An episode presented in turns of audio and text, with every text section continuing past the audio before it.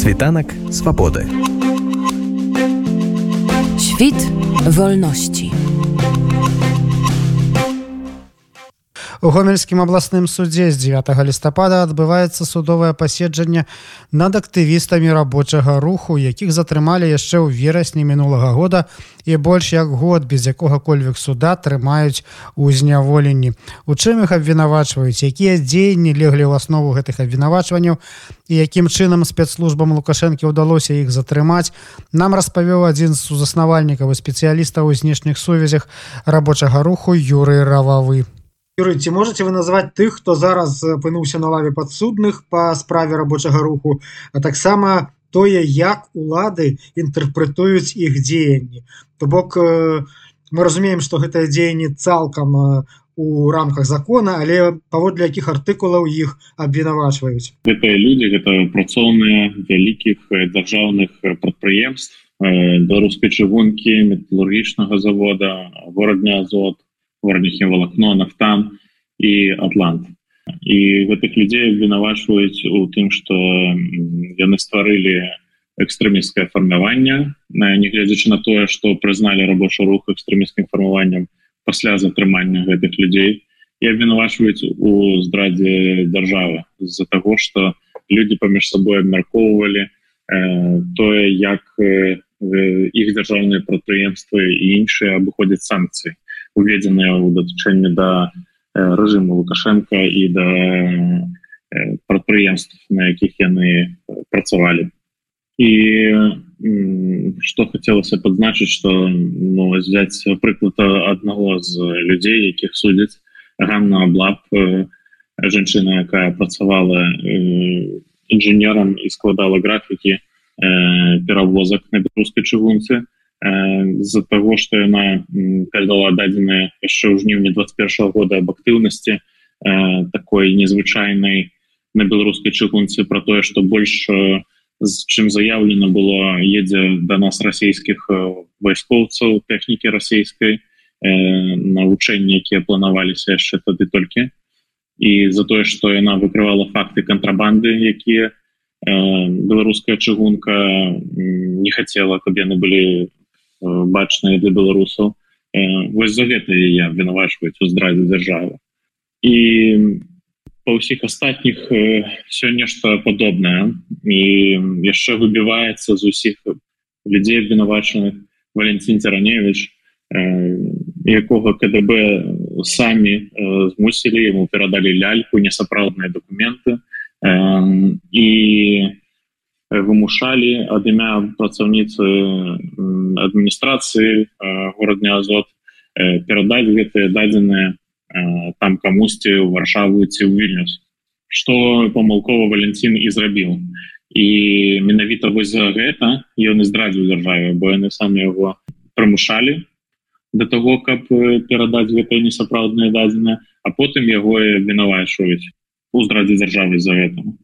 ось так гэта выглядае А вось наколькі я ведаю там некаторым яшчэ ставяць віну нейкае незаконнае абыходжанне са зброяй і паклёп на кагосьці. Ці вядома што легла у падставу таких абвінавачванняў? Про абыходжанне са зброяй гэта э, так можа выдавацца гучным нечым але насамрэч э, гэта справа датычыцца Александра капшуля былога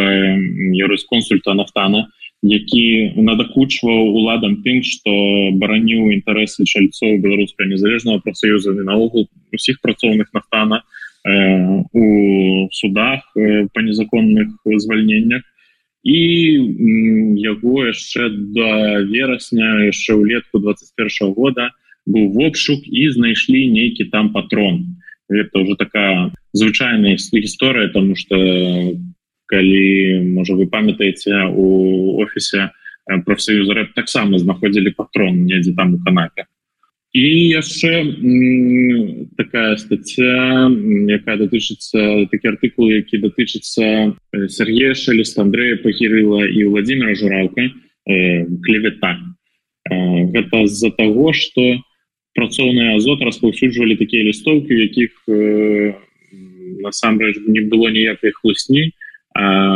распаўсюджвалася інфармацыя аб тым як паводзіць сабе старшыня праўладнага прафсаюза і як паводзіць сябе дырэктар. І ну, даволі такімі простымі і правымі словамі былі складзеныя лістоўкі і у іх распаўсюджванні менавіта абвінавачваюць Сергея шалеста Андрея пагірыла і Владимира Мураўка ва ўсеагульнай дэкларацыі правоў чалавека і іншых правовых актах у тым ліку канстытуцыі якая дзейнічала у верасні мінулого года і ўлетку. Кожны мае свабоду збіраць і распаўсюджваць любую інфармацыю любым дасяжным спосабам. Акрамя тае інфармацыі якая складае дзяржаўную альбо ваенную таямніцу. Ну вось калі напрыклад браць самы так бы мовіць жорсткі артыкул здрада дзяржаве